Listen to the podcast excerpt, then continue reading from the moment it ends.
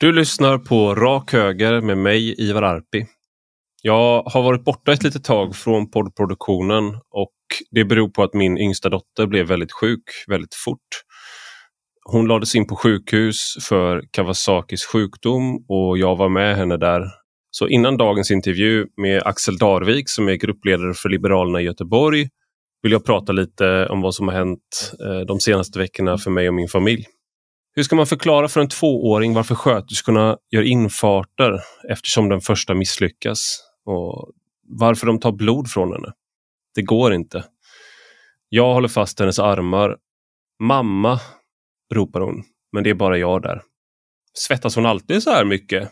Undersköterskan menade säkert inget illa men tonen är förebrående och frågan är så absurd. Nej, hon är väldigt stressad nu får jag svara. Och det är ett par mörka dagar där på sjukhuset. Min dotter vill, vill inte äta eller kan inte äta eller dricka. Och jag tjatar för att hon ska få dropp, vilket hon till slut får. Samtidigt så kommer en eh, undersköterska och kräver att jag ska bestämma menyn för henne för dagen efter. Och jag säger att men hon äter inte eller dricker inte. Hon behöver dropp. Jag förstår att jag är väldigt besvärlig som inte vill säga vad hon ska äta och att jag istället säger att hon inte kan äta. Det är några mörka dagar som sagt men sen börjar det vända och dag för dag så sjunker värdena som mäter infektionen och det dyra immunoglobulinet som hon får verkar ge effekt eller om det är antibiotikan som hon också får intravenöst. Läkarna vet inte men det går åt rätt håll. Eh, och Kawasaki är då en kriteriesjukdom som kan drabba barn och ofta drabbar det efter en förkylning eller covid och Man vet inte exakt varför för det finns inget enskilt värde som kvalificerar till den här diagnosen utan istället handlar det om en samlad symptombild. På det sättet kan man säga att Kawasakis sjukdom är ett annat namn för vår långsamt minskande okunskap. Vi vet väldigt lite och i det här läget så visste jag väldigt lite, läkarna visste lite men vi hade bra mediciner i alla fall. Så jag är väldigt tacksam för det.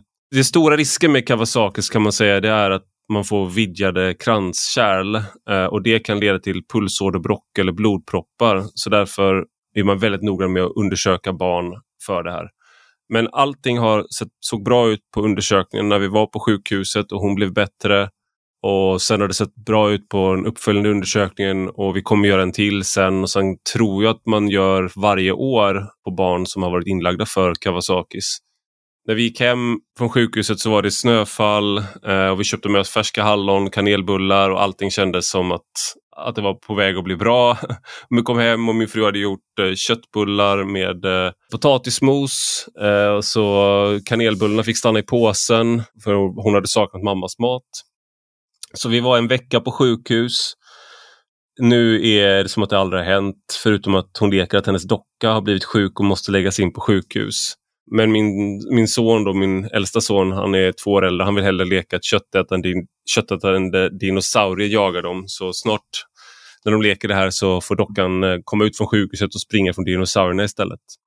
Och Jag vill bara tacka också för att jag skrev om det här eh, offentligt och jag fick så många meddelanden. Det värmde verkligen. Det är verkligen en eh, ynnest att ha så snälla prenumeranter och följare och vänner som skickar sina tankar och sina böner. Och, eh, ja, eh, det, var, det var väldigt stort för mig när, för det var, när det var som mörkast att så många brydde sig. Eh, så jag vill tacka er för det. Nu till dagens gäst då.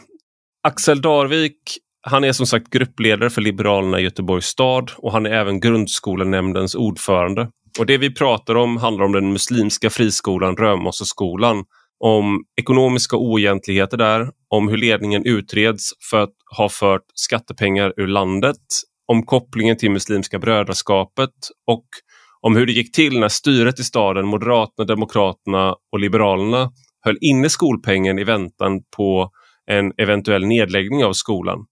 Men så häromdagen så bestämde sig kommunen för att ändå betala ut skolpengen trots alla misstankar och trots alla fel som Römosseskolan begått genom åren. Och en väldigt ensam kritiker kritiserar dock beslutet och det är Axel Darvik. En liberal som är liberal på riktigt vad det tycks då. Så därför tyckte jag det skulle vara intressant att prata med honom. Så nu till dagens gäst. Du lyssnar på Rak Höger med mig, Ivar Arpi.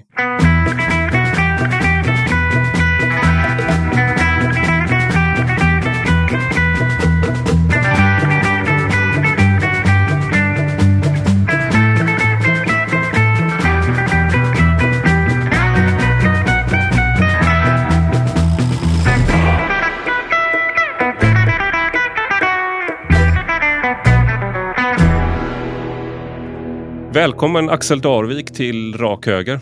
Tack så mycket. Du är ju nu i eh, rampljuset för att du har protesterat eh, mot att man trots att man bestämde att man skulle hålla inne skolpengen till Römosseskolan, en muslimsk friskola, och ni, ni i Göteborgs eh, kommun ni frös de pengarna. Eh, men sen nu har man ändå bestämt sig för att betala ut 50 miljoner kronor då till föreningen bakom skolan och du står då som ensam eh, liksom politiker i styret i Göteborg och säger eh, att du inte tycker att det här var rätt. Eh, jag, och jag tänkte vi ska komma in på det men för om det är någon som har undgått vad Römosseskolan är och varför man överhuvudtaget fryser skolpeng till en skola. Skulle du kunna beskriva det bakomliggande kritiken ni i Göteborgs stad har haft mot eh, Römosseskolan och var, varför ni frös skolpengen till att börja med?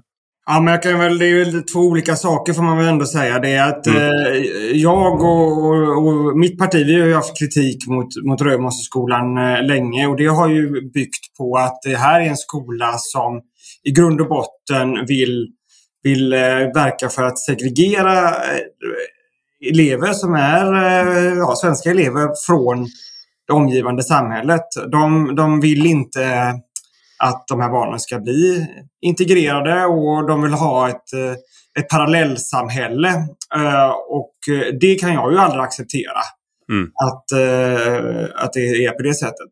Dessutom så är det ju så att anledningen till att vi deponerade pengarna då som skulle gå till, till skolan, det har ju egentligen sin grund i att eh, deras konto till en början frystes av banken och eh, det var, ju för att man misstänkte penningtvätt eh, kopplat mm. till skolan där man hade fört ut stora summor pengar till, till annan eh, verksamhet i bland annat i Somalia och för privat konsumtion och till organisationer kopplade till eh, politisk extremism. Okej, och det var eh, den tidigare rektorn Abderizak Waberi som eh, under en period också var riksdagsledamot för Moderaterna som åtalades för, han misstänktes stå för blufffakturor och att han fört ut miljoner, miljontals kronor ur landet då. Ja. Mm. Och de, de hade använt sig av ett bulvanbolag som påstod att de levererade IT-tjänster till skolan men egentligen så var det ju ett sätt att slussa pengar då från, från skolan ut till, till eh, hans eh, somaliska parti som har driver en, en eh, islamistisk agenda där och dessutom så använder han det för då en del privata resor bland annat till, till Thailand och så liknande. Det här har inte med saken att göra då, men eh, han, där misstänktes han väl ha gått på sexklubb. Alltså det är en väldigt, det är väldigt solkigt ärende kring honom, men det har ju inte helt med eh, Römosseskolan att göra. Men en kritik som har återkommit mot Römosseskolan är just det som du är inne på, att man segregerar flickor och pojkar, att man har, alltså vi har religiösa friskolor i Sverige, men du måste följa du får inte blanda in religion i undervisningen. Precis. Men det hade man gjort och Skolinspektionen eh, påpekade det här också och det här har varit en återkommande kritik mot Römosseskolan genom åren. Men den är fortfarande uppe eh, och kör så att säga. Ja, det är den. Alltså, för vad som hände var ju att man har ju riktat kritik under, under lång tid. Eh, men man har haft svårt från Skolinspektionen att hitta riktigt eh, ja, starka bevis som har varit tillräckliga för att kunna stänga skolan. Sedan så mm. har ju jag hört från många personer som har varit på skolan och som tidigare har jobbat på skolan och så vidare att den här religiösa indoktrineringen den pågår ju. Mm. Uh, och uh, att uh, man har varit duktig på att dölja det men att det har varit vanligt förekommande. Då. Man, inte på alla lektioner utan det har varit vissa lektioner och att man också på olika sätt uppmanar till eh, eleverna att följa olika typer av religiösa eh, traditioner och religiösa påbud när det gäller ja, klädsel och mat och, och, så vidare och fasta och sånt. Mm. Anledningen till att man nu till slut stängde den det var ju på grund av de här ekonomiska oegentligheterna. Mm. Eh, och där är det, pågår det nog en process då i, i för de har ju, skolan har ju överklagat detta till förvaltningsrätten då valde eh, förvaltningsrätten att inhibera eh, stängningen av eh, skolan. Och vi får se, det kommer väl förhoppningsvis ganska så snart ett avgörande när det gäller detta. Men, men vad man skrev från förvaltningsrätten var då att det här ska inte tolkas som att vi så att säga, ställer oss på skolans sida. Däremot så hade de nog en del eh, frågetecken om, om tidpunkten, om det var rätt att stänga skolan mitt i terminen. Det ni gjorde då var också att ni eh, deponerade, alltså ni höll inne skolpengen för skolan. Och det där fick ni då kritik av, bland annat av eh, socialdemokratiska eh, politikern som sitter i opposition då, eh, Victoria Tryggvadottir Rolka. Eh, och hon menade då att staden riskerar ett stort skadestånd på upp till 100 miljoner kronor sa hon i Göteborgs-Posten i den 17 november och att det är det och då Liberalerna, Moderaterna och Demokraterna, ni den styrande koalitionen, ni riskerar det. Och hon, hon hävdade då att ni körde över de egna tjänstemännen när ni gjorde det här. Hur ser du på den, den kritiken? Nej, jag håller inte alls med om det. Utan det var ju så att, att menar, när, när eh, banken fryste deras konto så ville ju skolan ha ut pengar på andra sätt. De ville ju, de kom med förslag om att vi skulle komma med cash eller att vi skulle komma med postväxel eller att vi skulle sätta in det på deras advokats konto istället. Men, men där sa, var jag väldigt tydlig med att vi, vi, försöker inte, vi kommer inte medverka till att man rundar penningtvättlagen eller liksom bidra till ekonomisk eh, brottslighet genom att betala ut skolpengen på något annat sätt. Utan är det så att, att eh, ert konto blir spärrat så är det ju det av en, utav en orsak. Ja. Eh, och då ska ju inte vi försöka liksom, eh, hjälpa till eh, i ekonomiskt... I klassisk, i klassisk Göteborgsanda. Betala, nej, ut, nej, nej, betala ut bakvägen via advokatens konto. Ja. Alltså, för, förstod de inte att, att, ni var krit, att ni var kritiska alltså, när de föreslog det här? Då? Alltså, för, jag, för det låter ju som mig som att man går till den personen som är, som är kritisk till en och bara, men du, kan inte du liksom vi kan väl göra så här istället och försöka få med er när det är ni som också är kritiska till hur de agerar. Alltså hur, hur, hur, hur hade de mage att ens föreslå något sånt undrar jag? Ja, de har en jävligt ettrig advokat har de ju som eh, använder alla olika sätt liksom att, att uh, pusha på i det här ärendet.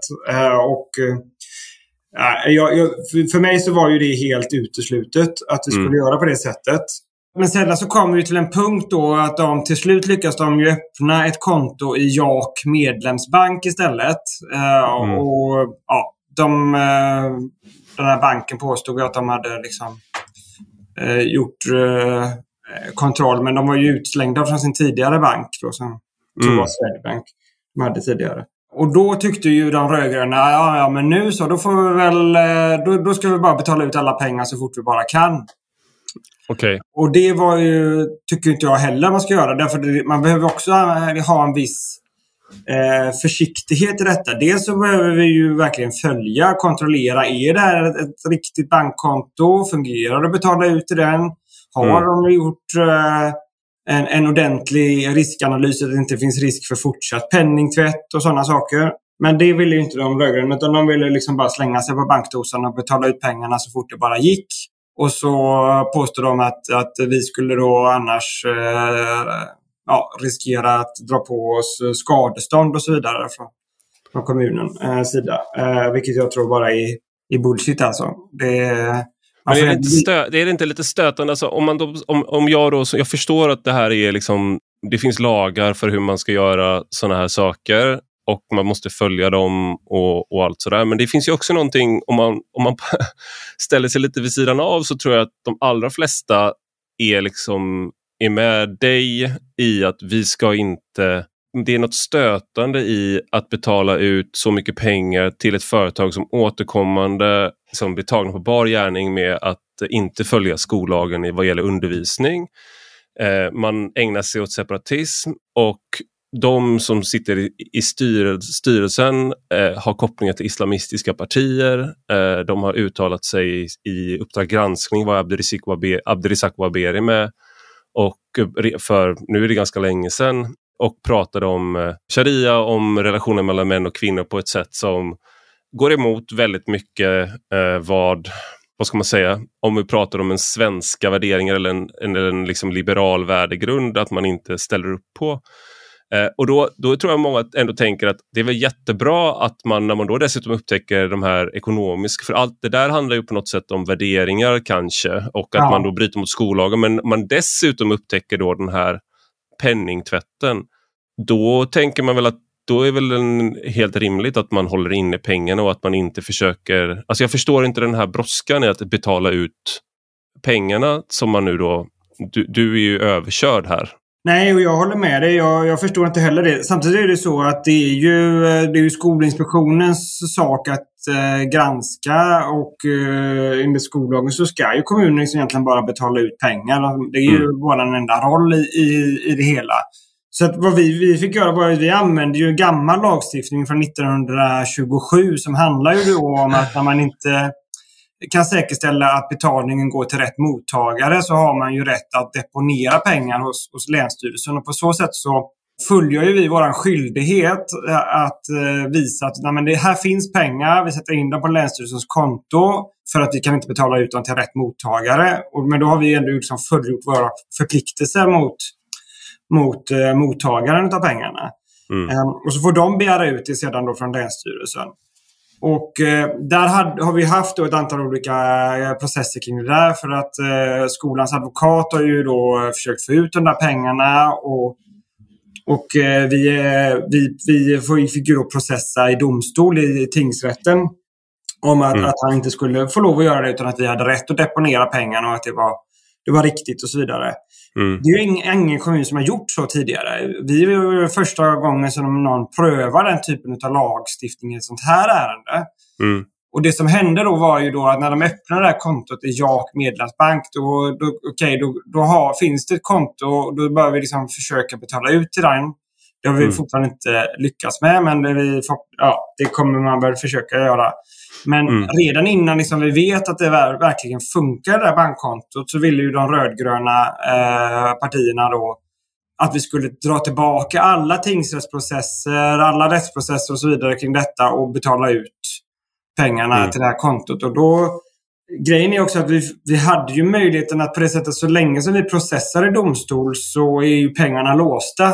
Då kommer inte mm. skolan åt dem. Så att det finns ju också en, en del i detta som ja, så jag har ingenting emot att pengarna sitter låsta där ett tag. De får, väl, de får ju låna pengar av någon i så fall om de behöver det. Eller ja, de har ju fått eh, lönegaranti och annat att klara sig. Men mm. På så tycker jag det är viktigt också att, att, när vi vet att det finns en verksamhet som håller på med massa oegentligheter och särskilt om det är så att de skulle vara på väg att lägga ner skolan nu. Då vill mm. de ju passa på att, att tanka ut så mycket pengar som det bara går ur den här verksamheten till annat.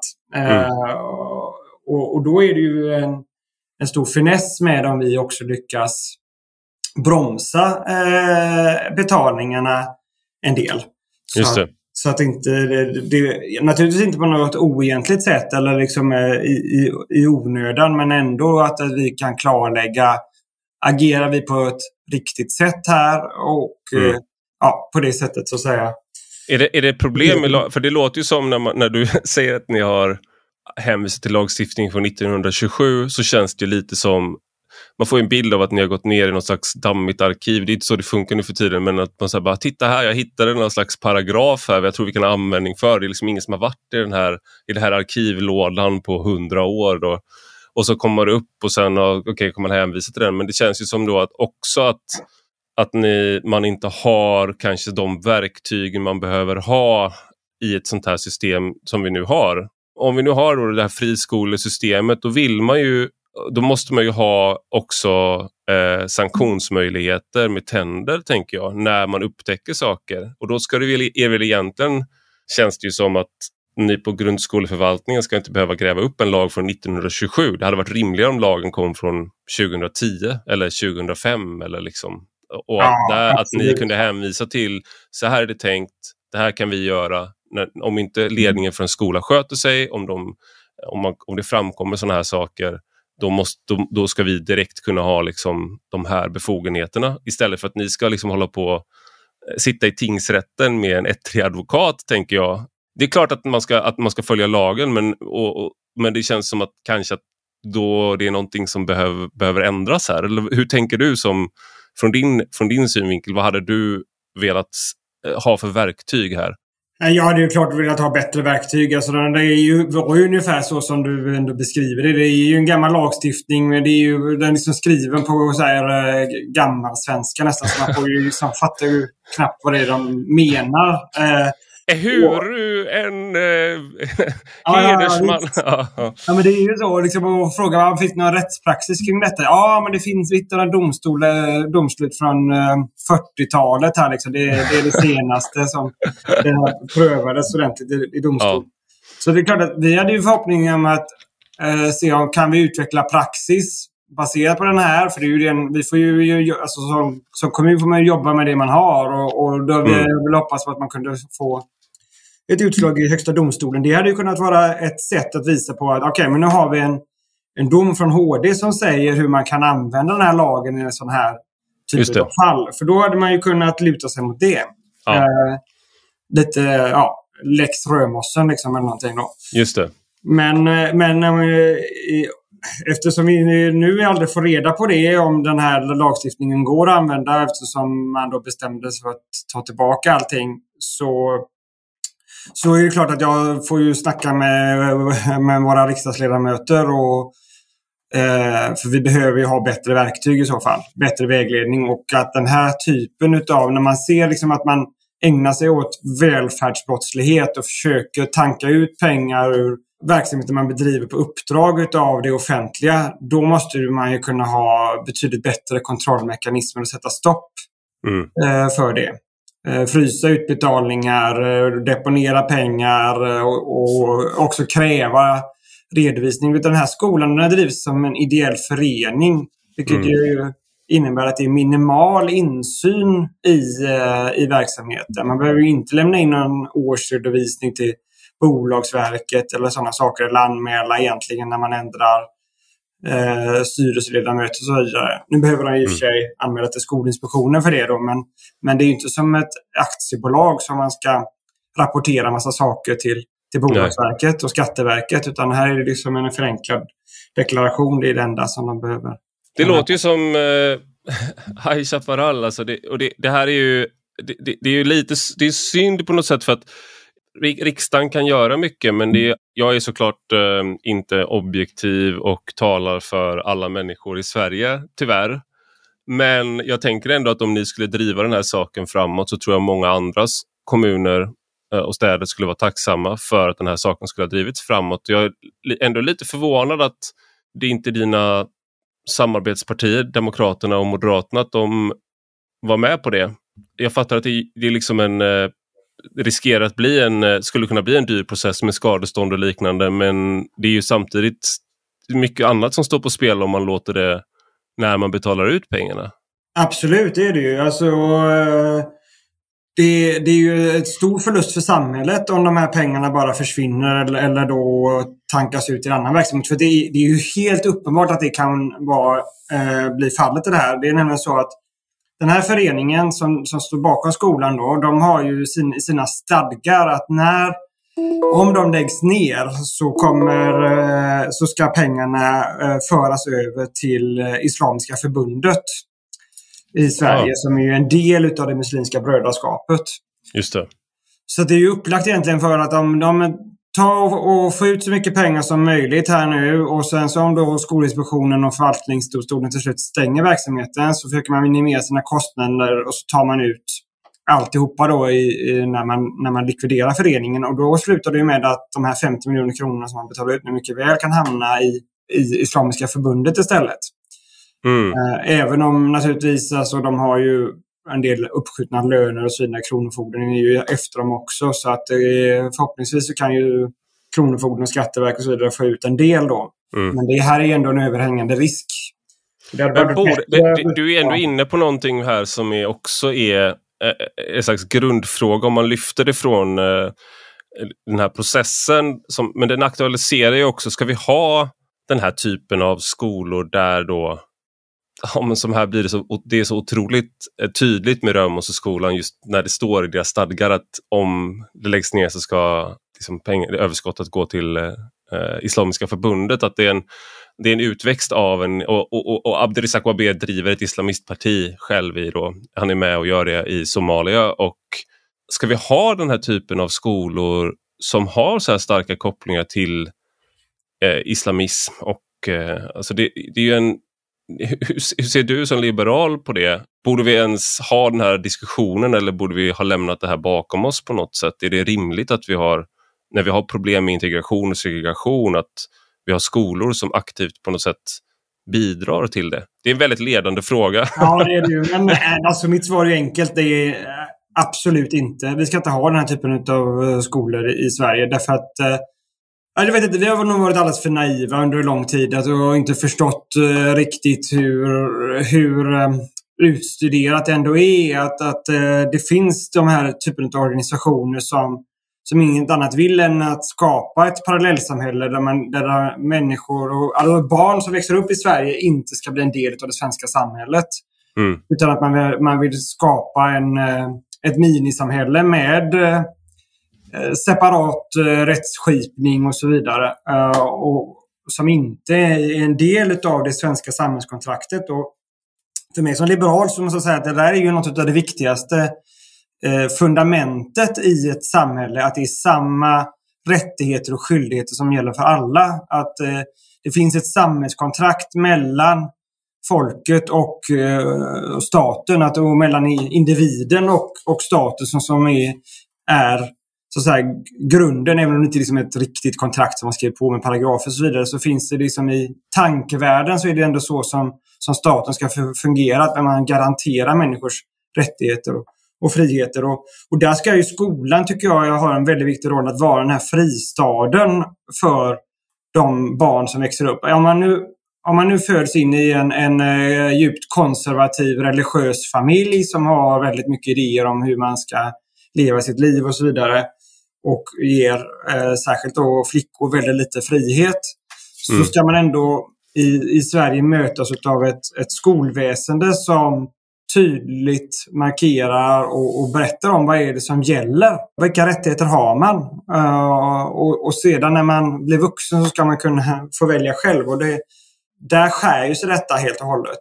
Därför mm. att uh, om vi tillåter den här typen av skolor så då får man en skev uh, verklighetsbild när man växer upp. En sak som har förts på tal här, det är ju på riksplanet är ju att Sverigedemokraterna vill förbjuda muslimska friskolor och eh, andra eh, politiska partier vill ha snarare siktat in sig på religiösa friskolor. Hur, hur står du i den frågan och, och, och Liberalerna? Är, det, är problemet liksom, religiösa friskolor generellt eller är det specifikt den här typen av eh, skolor som har en koppling till eh, religiös fundamentalism eller, eller, eller islam då som eh, Sverigedemokraterna hävdar?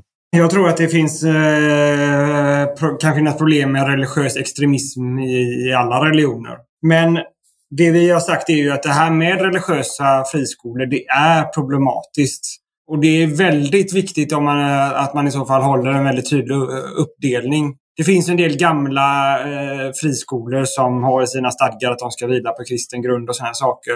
Mm. Och där tycker man, då måste man vara eh, tuff mot dem också och säga det att eh, det, den måste vara icke-konfessionell undervisningen. Alltihopa i mm. skolan ska, eh, ska vara icke-konfessionellt när det gäller eh, undervisningsdel och sånt där. Och, eh, vi har väl sagt att nej, vi ska inte gå, liksom, gå fram och stänga ner alla skolor som ändå fungerar. Men däremot så måste man ha en tydlig kontrollapparat. Att mm. man aldrig går över den gränsen. För då är, då är det klippt och inga nya typer sådana utav konfessionella skolor vill vi se att man, att man startar i Sverige.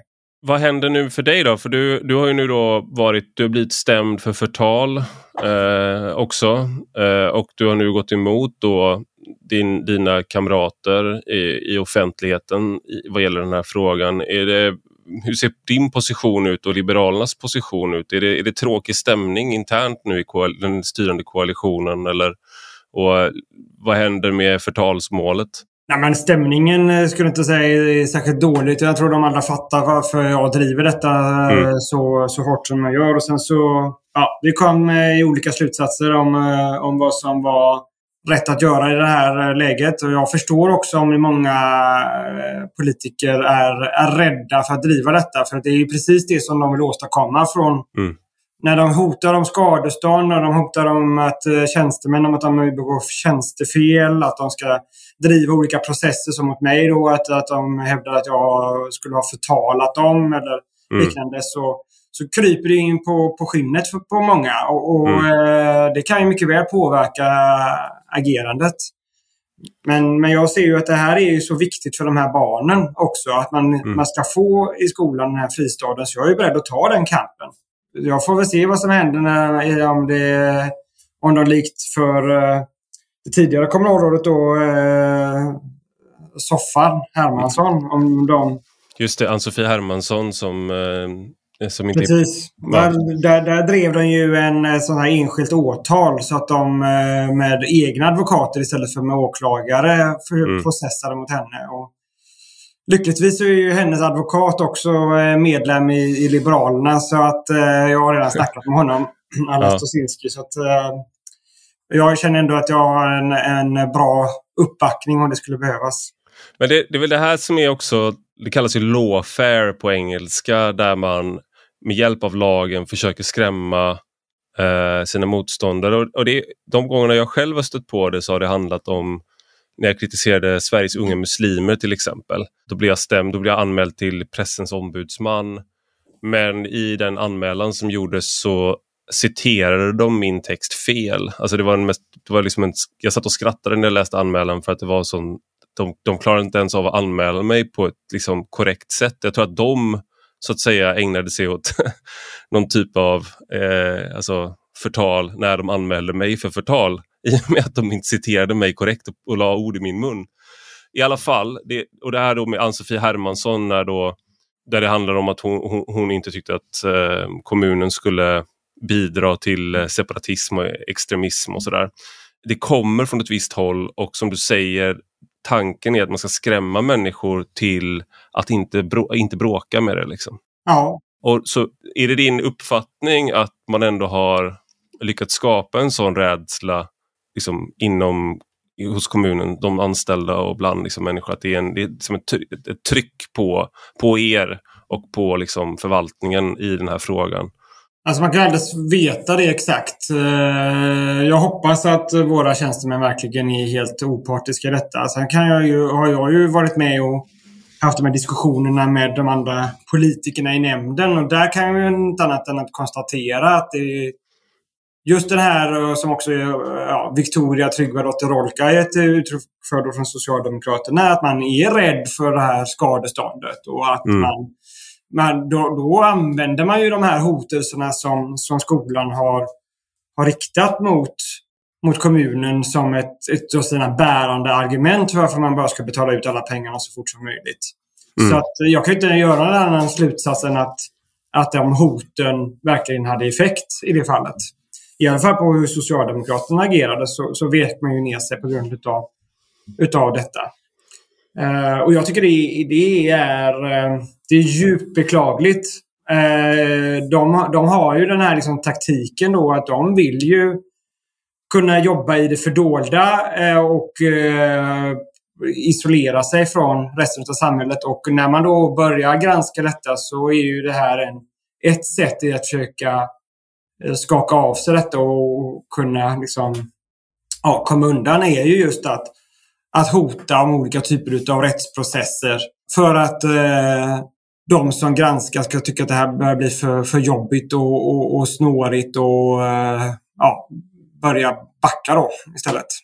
I Sverige så är det ju vana ändå vid att journalister kan granska och sådär. Det här är ju inte, ni är ju inte journalister, eh, men det finns ju en sån här det finns en mänsklig faktor i det här att man, det är ganska jobbigt när det kommer när folk hotar en om man de säger att man kommer i princip ruineras eller man kommer i ert fall att ruinera staden på olika sätt och att man kommer då stå med liksom ha gjort fel och man kommer inte bara betala de här pengarna utan betala mycket mer och sådär. Men då undrar jag varför har inte du vikt ner dig då? Varför, varför ska du inte liksom varför, inte bara, varför håller du inte tyst? Nej, men jag tycker det här är en alldeles för viktig kamp att ta. Det är ju en del av min liksom, grunden varför jag är politiskt engagerad och varför jag är engagerad i Liberalerna är att jag vill ge alla barn en, en bra start i livet och få chansen att eh, få med sig både då en utbildning men också faktiskt grundläggande värderingar om vad som är vad som är dina mänskliga rättigheter och vad, hur en demokrati ska fungera. Så för mig så eh, det, det slår an på de här liksom grundläggande synapserna som jag har i min hjärna om vad som är, är viktigt att, att kämpa för. Så att jag, då, då trotsar jag de hot och eventuella rädslor och så vidare och, och, mm. och fightas hellre för detta. Det här är en kulle du är beredd att dö på helt enkelt? Ja, det är det. Ja. Det är det i så fall och det ska man väl säga så här att, att eh, de är ju smartare på det sättet att de, ger ju, de fattar ju att, att eh, ja, tjänstemän och politiker och så vidare. Vi har en, I grundskolenämnden har vi en budget på 9 miljarder kronor. Det är klart att, att eh, ja, även om det är mycket pengar så, så är det ju liksom kommunen blir inte ruinerad oavsett hur man gör. Nej. Göteborg är så stor och rik kommun.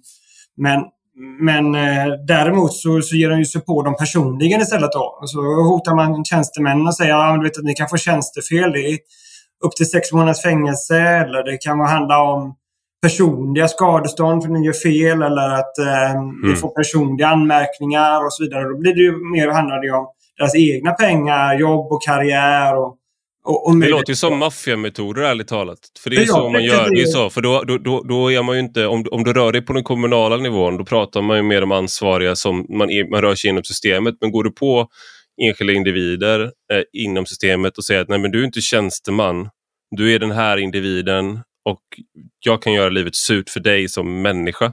Inte ja. som tjänsteman utan som människa och inte för dig som liksom liberal utan Axel Darvik för dig som privatperson, du stäms för förtal.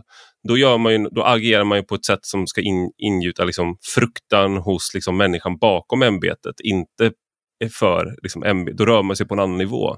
Precis. Alltså jag menar, eh, jag vet inte hur mycket tid och energi och kraft som som eh, soffan har fått lägga ner på att försvara sig. Och mm. det, det, det, är ju klart att det är många som funderar, ja, men är, är det detta jag vill göra med mitt liv? Liksom sitta ett halvår i olika rättegångar i någon Kafka-process där de håller på att anklaga mig för massa olika saker som jag inte har gjort. Ja. Eller är det bättre att jag lägger en, en, min tid på någonting annat? Mm. Jag tror att vi har kommit till en sån punkt där, det här är inte den mest opartiska intervjun jag genomfört, men jag är väldigt tacksam för att du ändå drivit det här och att du fortsätter driva det här och att du säger emot även nu när det drivs igenom att man ändå ska betala ut de här pengarna. För att eh, jag tror ju att man måste vara obekväm på precis samma sätt. Du måste ha principer och du måste stå upp för de principerna. Om inte då man kan lita på att människor... Alltså om, om man pratar om, eh, om du i, liksom inför, i valet så att säga, de partierna som kommer prata om att vi kan inte ha liksom parallellsamhällen eller vi måste bekämpa liksom islamismen eller något sånt där. Okej, okay, men rent konkret så är det exakt det här är ett sånt tillfälle. Du kan ju säga de där orden men det här är ju ett sånt liksom, skarpt läge där ja. man visar det. Och då är det, då, då, är det tyvärr så att då kommer det bli obehagligt för att det är ett sånt samhälle vi har nu. Där, det, där, där liksom människor, om du utmanar deras ekonomiska intressen, de grupper, så kommer de att göra allt vad de kan för att eh, få, få, få de pengarna som de har, har fått tidigare det kommer, det kommer vara jobbigt. Men det, och därför jag förstår att det kostar på för dig som enskild politiker då att göra det. Ja, så är det ju. Jag menar, man kan som politiker bara flyta med strömmen. Det, det är ju ganska behagligt. Men eh, ska man verkligen åstadkomma någon förändring så då, då kräver det en hel del energi alltså. Det gör det. Mm. Det kommer inte av sig själv.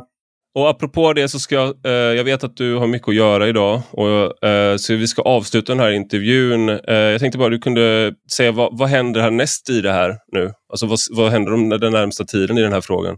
Ja, till att börja med så får vi ju se om de verkligen lyckas skaffa sig, om det verkligen funkar att betala ut några pengar till det här kontot. Gör det inte det så, eh, så hoppas vi kan rulla tillbaka de här besluten och, och, och se till att pengarna är fortsatt eh, deponerade. Mm. Eh, sedan kommer det säkerligen bli eh, fortsatta rättsprocesser där de vill kräva på dröjsmålsränta och skadestånd och så vidare. Så där kommer ju man behöva försvara sig istället i de processerna. Så att eh, jag tror det är långt ifrån sista ordet är sagt. Dessutom så, så hoppas vi på framgång i förvaltningsrätten och att, att de slutligt stänger skolan i, i närtid. Just det, och det här var ju en sån sak när jag sa att jag skulle ha dig i podden mm. och eh, som gäst i podden och vad vi skulle prata om. Så sa min fru, va? Är inte den skolan stängd sedan länge? Jag tror, och vi bor ju inte i Göteborg då, vi bor i Uppsala. Så, men jag tror många hoppas på ett, eh, ett, rätt, rätt beslut där. Jag hoppas att det håller. Det bör, annars får mm. man väl eh, för min del också se till att vi jobbar för en ändrad lagstiftning. För ja. att eh, så här kan man inte ha det. Stort tack Axel Darvik för att du var med i Rak Höger. Tack själv. Ha det gott. Och stort tack till dig som har lyssnat. Detta är alltså en del av en större publikation på Substack med samma namn som podden. Den som prenumererar där får två texter i veckan utöver den här podden varje söndag. Gillar man det man läser och hör så får man gärna bli betalande prenumerant för 5 euro i månaden eller 50 om året. Och Då får man också ta del av lite extra material som är exklusivt för betalande prenumeranter. Du hittar rubbet på ivararpi.se. Och har du några frågor eller synpunkter kan du alltid mejla mig på ivararpi Vi hörs om en vecka.